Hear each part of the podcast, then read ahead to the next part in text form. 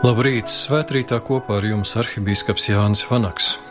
Mūsu pārdomām šodien svēto rakstu lasījums no Jāņa evaņģēlīja desmitās nodaļas.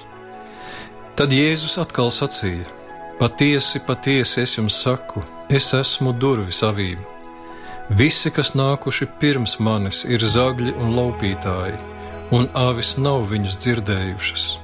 Es esmu durvis, kas caur mani ieiet tas taps izglābts un ies un izies un ganības atradīs. Zaglis citādi nemaz nenāk kā vien, lai zaktu, nokautu un pazudinātu. Es esmu nācis, lai tām būtu dzīvība un būtu pār pārēm. Es esmu labais gans. Labais gans atdod savu dzīvību par avīm. Algots gans, kam avis nepiedara, redzot vilku nākam, pamet avis un bēg, un vilks tās sakampja un izklīdina, jo algādzim avis nerūp. Es esmu labais gans, un es pazīstu savas avis, un avis pazīst mani. Tāpat kā tēvs mani pazīst, es pazīstu tēvu un savu dzīvību atdodu par avīm. Man ir vēl citas avis, kuras nav no šīs kūts, arī tās man jāatved, un tās dzirdēs manu balsi, un būs viens ganāmpulks un viens gans. Tādēļ tēvs mīl mani ka es atdodu savu dzīvību par avīm, lai to atkal atgūtu. Neviens to man neatņem, bet es to atdodu pats. Man ir vara to atdot, un man ir vara to atkal ņemt. Šo bausli es esmu saņēmis no tēva. Tā kunga vārds.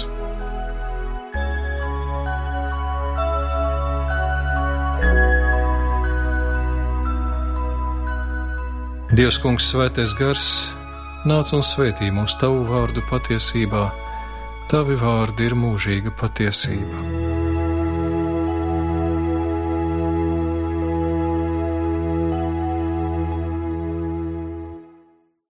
Esam tādā mierīgā baznīcas gada laikā. Lielie svētki pagājuši, Kristus ir dzimis, kalpojis, cietis, miris un augšām cēlies un uzkāpis debesīs. Svētais gars ir nācis Viss ir piepildīts. Ko tālāk? Tālāk atliek tikai dzīvot kā kristiešiem. Kā tas ir? Seno laiku dišciltīgie savos ģerboņos zīmēja dažādus zvērus - lauvas, lāčus, ērgļus, sliktākajā gadījumā kādu vanagu. Jāņa evaņģēlī desmitajā nodaļā atklājam, ka kungs Jēzus no visas dzīvnieku pasaules savus mācekļus salīdzina ar avīm skan pat tā kā drusku aizskaroši. Vai tiešām dzīvot kā kristietim nozīmē būt kā aitai? Mūsdienās daudz runā par identitāti. Vai tiešām mums savā ģerbonī būtu jāliek aita? Aita ir tāds īpatnējs dzīvnieks. Tā labprāt pārbauda aploku robežas, vai nevar kaut kur izlīst.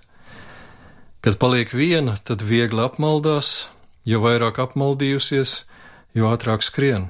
Tā gadās arī cilvēkiem. Jo vairāk apmaldījies, jo druģaināk darbojas. Varbūt salīdzinājums ar aitu nemaz nav tik nevietā. Mēs augstam pārbaudīt robežas. Mēs vēlamies izzināt, vai viņpus žoga zāle no zaļāka. Tāda zinātnākāre padara dzīvi dzīvāku un apvāršņus plašākus, un tomēr neatmaksājas skriet pa galvu, pa kaklu kā pazudušai aitai. Vienmēr vajag apstāties un novērtēt savu stāvokli.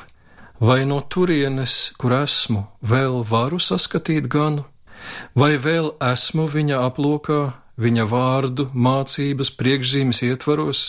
Labi, es izspraucos ārpus ierasti drošā, mājīgā aploka, es izzinu jaunas teritorijas, bet vai es vēl esmu viņa ganībās, viņa baznīcā? Apmaldījies aktīvists nodara ļaunumu ne tikai sev, bet arī tiem, kam domājas kalpojam. Aizmirsties un apmaldīties gadās arī negribot. Patiesībā jau tas vienmēr notiek negribot, kādā neuzmanības brīdī. Kopā ar Jēzu ejot uz Jeruzalemi, mācekļiem gadījās iedegties svētā sašutumā. Kādā Samarijas ciemā Jēzum negribēja dot naktsmājas, Jānis un Jēkabs jutās aizvainoti līdz sirds dziļumiem. Ne jau par sevi, kā viņiem likās, bet Jēzus dēļ, Kungs, vai gribi, lai pavēlam ugunī nāk no debesīm un tos iznīcināt, kā arī Elija darīja? Viņi taču tevi ir apvainojuši, tad saukt mums to uguni, jā? Ja? Vai tiešām viņi jūtas aizvainoti Jēzus dēļ? Vai aizskarts tomēr nav viņu pašu lepnums, lielākā meistara mācekļu lepnums par sevi?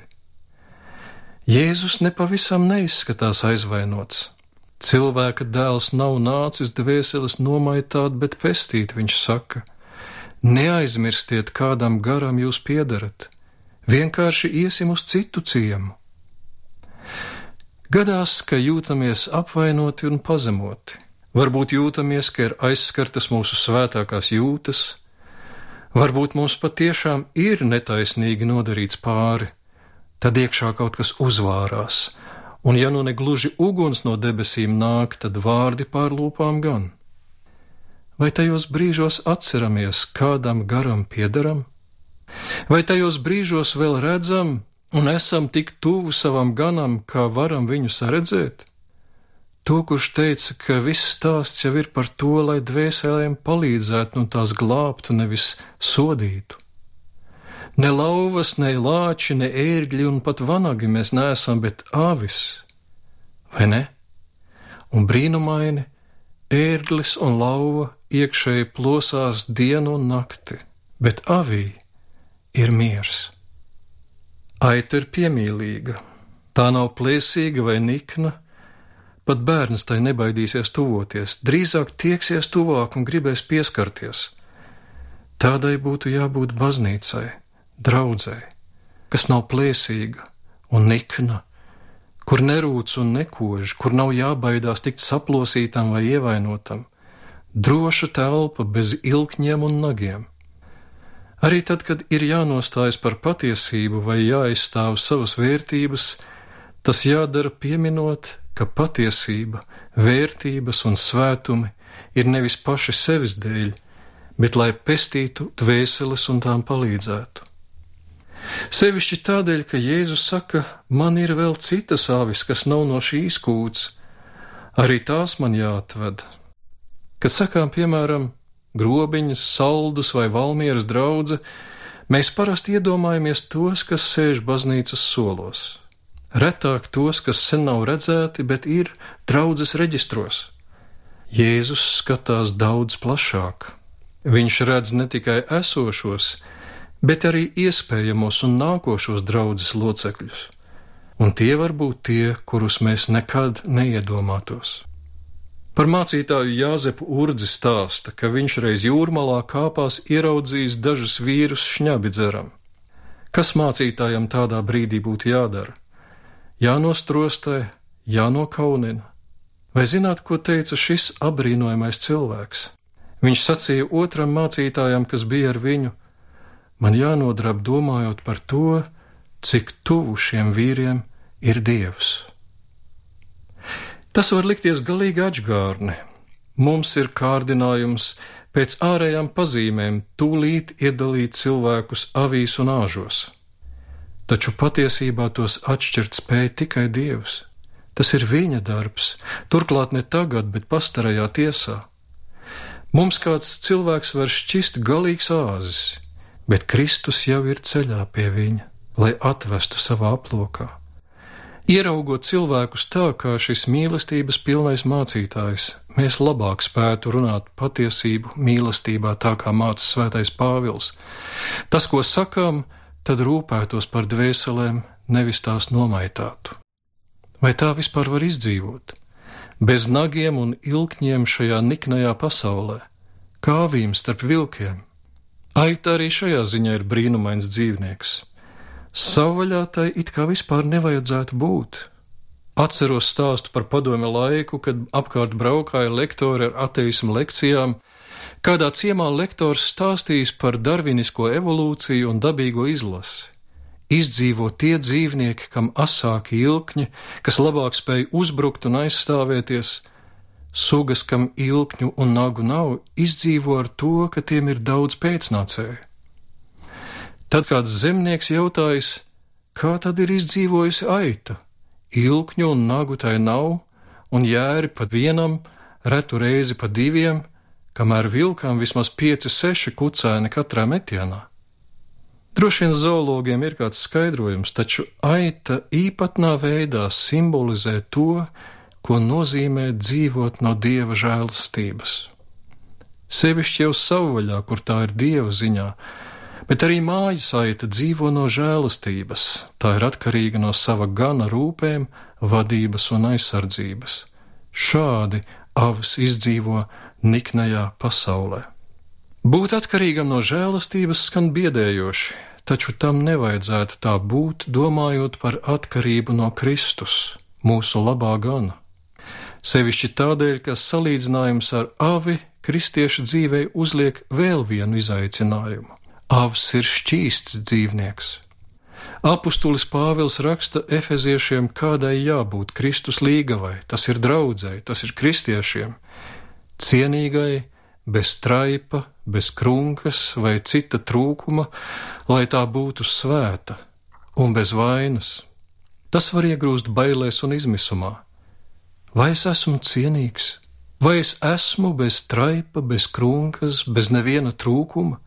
Tā godīgi, kā es stāvēšu līgavaiņu priekšā, tikai uzticoties labajam ganam, pilnīgā atkarībā no viņa žēlastības.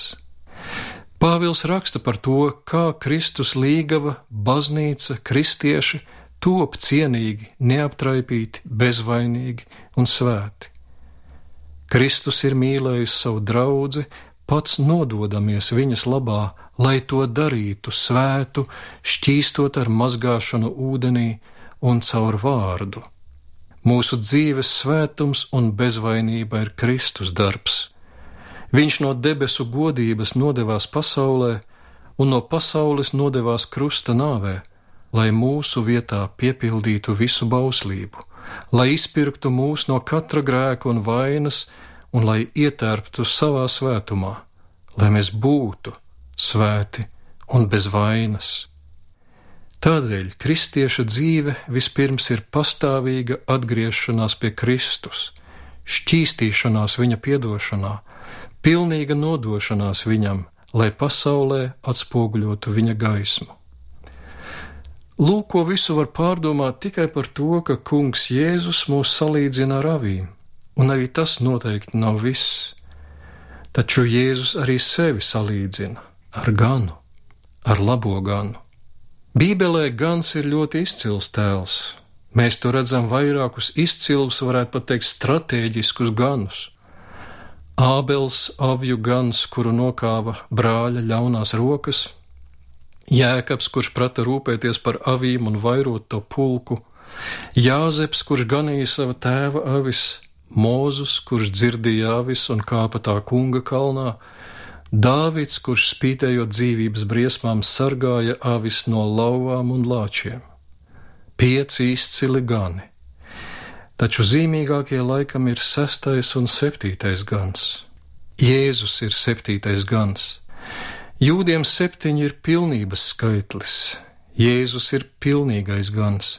Ja viņš mūs negana, mēs nesasniedzam pilnību. Rakstos viņš ir nosaukts arī par lielo avju ganu, ko Dievs paaugstinājis no mirušajiem, un par augsto ganu, kurš atspīdēs. Jēzus ir labais gans, kas ar savu nāvi un augšām celšanos mūs ir atbrīvojis no nāves varas un no soda par grēkiem, un uz kuru gaidām, kad viņš nāks atkal. Viņš savas āvis neatstāja. Tikai naktī, kūtī, viņš tās uztic kūts vārtu sargam. Savas prombūtnes laikā viņš avīm sūta citu sargu un aizstāvi, svēto garu. Svētais gars mājo pie mums un mūsos, Viņu esam saņēmuši svētajā kristībā un katrā dievkalpojumā turpinām saņemt vārdā un sakramentos. Svētais gars ir sargs, kurš atver vārtus labajam ganam, kristum un aizslēdz tos zaglim un laupītājam. Bet sestais gans, tas drīzāk ir antigans, Par viņu Caharijas grāmatā rakstīts: tam zudusī nerūp, tas noklīdušo nemeklē, sasirgušo neārstē un veselo neēdina, bet treknajai gaļu aprī līdz nagiem. Varam palasīt arī pravieša Ecehiela grāmatas 34. nodaļā. Tātad Bībelē gans ir spilgts, taču nepilnīgi viennozīmīgs tēls. Jēzus saka, es esmu labais gans, iepretītam otram, nolīgtajam vai derētajam ganam. Viņš arī uzskaita dažas pazīmes, pēc kurām pazīt īstu ganu, pēc viņa līdzības, un derēto jeb salīgto ganu, kurš drīzāk līdzinās tam sestajam ganam. Pirmkārt, labais gans apzinās, ka avis nepieder viņam. Jāzeps, Mūzus, Dāvids un arī pats Jēzus, visi viņi ganīja avis, ko viņiem bija uzticējis tēvs. Ik katrs labs draudzes gans apzinās, ka viņam uzticētās avis ir debesu tēva īpašums, nevis viņa iztikas avots. Ne tas, ka draudzes gans nebūtu savas algas cienīgs. Pāvils saka, kas pie altāra kalpo, tam būs no altāra pārtikt, neaizsien muti vērsim, kas min tavu klonu, un ne jau par vēršiem vien viņš to saka. Taču derētais gans algu mīl vairāk nekā ganīšanu gaļu un vilnu vairāk par avīm. Īstais avju gans turpretī nevar neganīt, tas ir viņa aicinājums. Viņš mīl savas avis un tās neatstāja arī sliktās dienās. Un te Jēzus dod kādu izšķirošu pazīmi, kas atšķir īstu ganu no derētu. Ikdienā viņi abi var darīt pilnīgi vienu un to pašu, un gan viens, gan otrs var savu darbu veikt ļoti labi. Kas tad atklāja, kurš ir kurš? Vilks, krīze vai briesmu brīdis to parāda. Derētais gans atstāja avis un bēg, īstais gans paliek. Kāda nelaime būtu palikt bez gana, aci pret aci ar vilku. Pasaulē tā arī ir. Tajā nav neitrālās zonas, vai nu tu esi pie labā gana, vai pie vilka, vai nu ar Kristu, vai ar to otru, vai nu dzīves, vai nolemts nāvē. Pateicība Kristum mūsu labajam ganam, ka viņš mūs nekad neatstāja, bet piepilda to, ko iesāka priekštecis Dāvids, nosargāja savas avis, atdodot par tām dzīvību. Es gribētu atcerēties arī mūsu tautas un mūsu baznīcas vēsturi, cik dziļu cieņu ir pelnījuši draugu gani kuri asiņainajam sarkanajam lācim nākot nepameta savas avis un ganāmo pulku, bet palika. Vilks nav joka lieta. Vilks iemieso mokas un nāvi. Katram ir tiesības glābt savu dzīvību. Tie gani, kas aizbrauca, nav pelnījuši nekādu nopēlumu. Taču tie, kuri palika, ir pelnījuši izcilu cieņu un pateicību. Ja viņi nebūtu palikuši, Latvijā šodien varbūt nebūtu vairs ne draugu, ne dievnamu, lai viņam gods un mūžīga piemiņa. Vēl īstu ganu pēc labā gana līdzības raksturo tas, kā viņš lieto varu. Katram ganam ir zināma vara pār avīm, kā to lieto labais gans. Mēs varētu vispirms palūkoties uz kalnu Morijas zemē, kur Ābrahāms savu dēlu Īzaku ir nolicis uz altāra. Mēs zinām, tas priekšpasludina Kristus upuri Golgātas kalnā. Šie notikumi daudziem izraisa pretestību.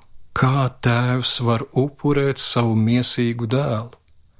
Taču palūkosimies dziļāk.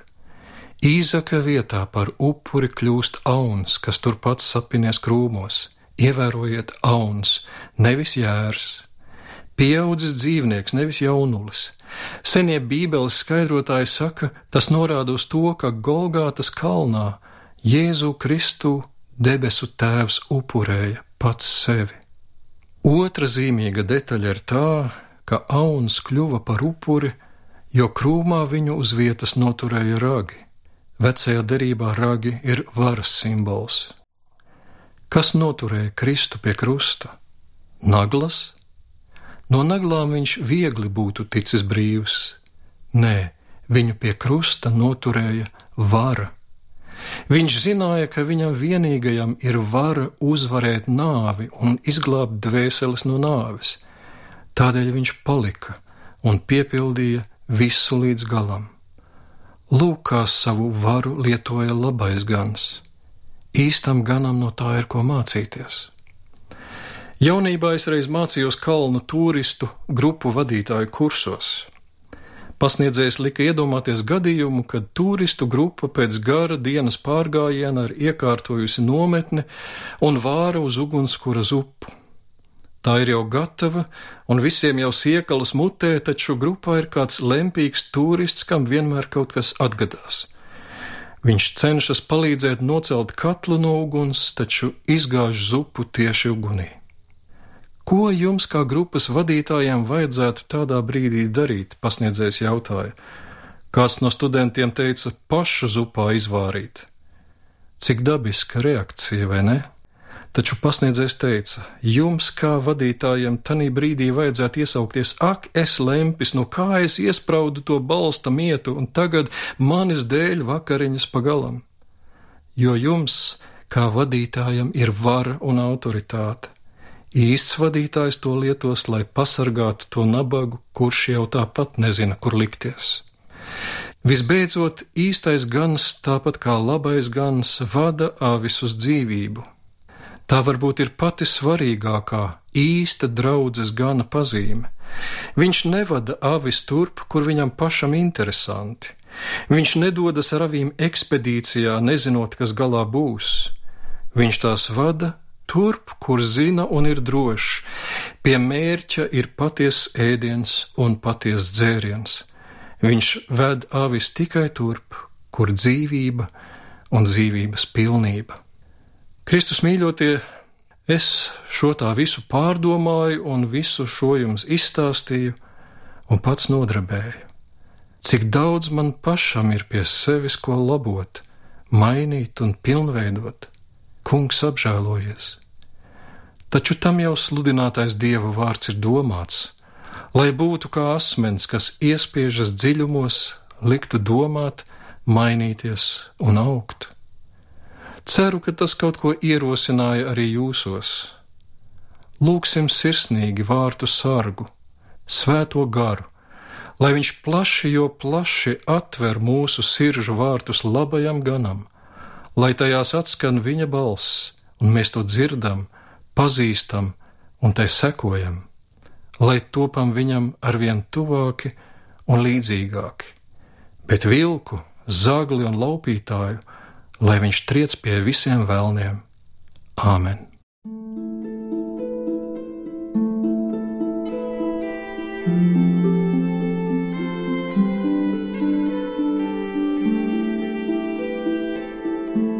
Lūksim!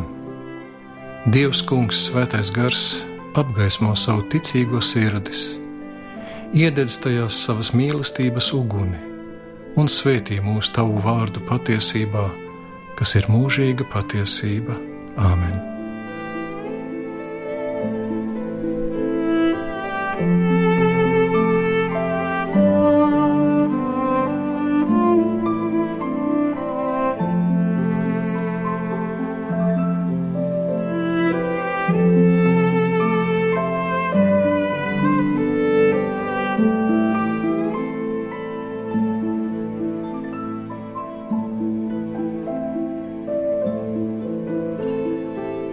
Svētrīt ar jums kopā bija arhibīskaps Jānis Vanaks.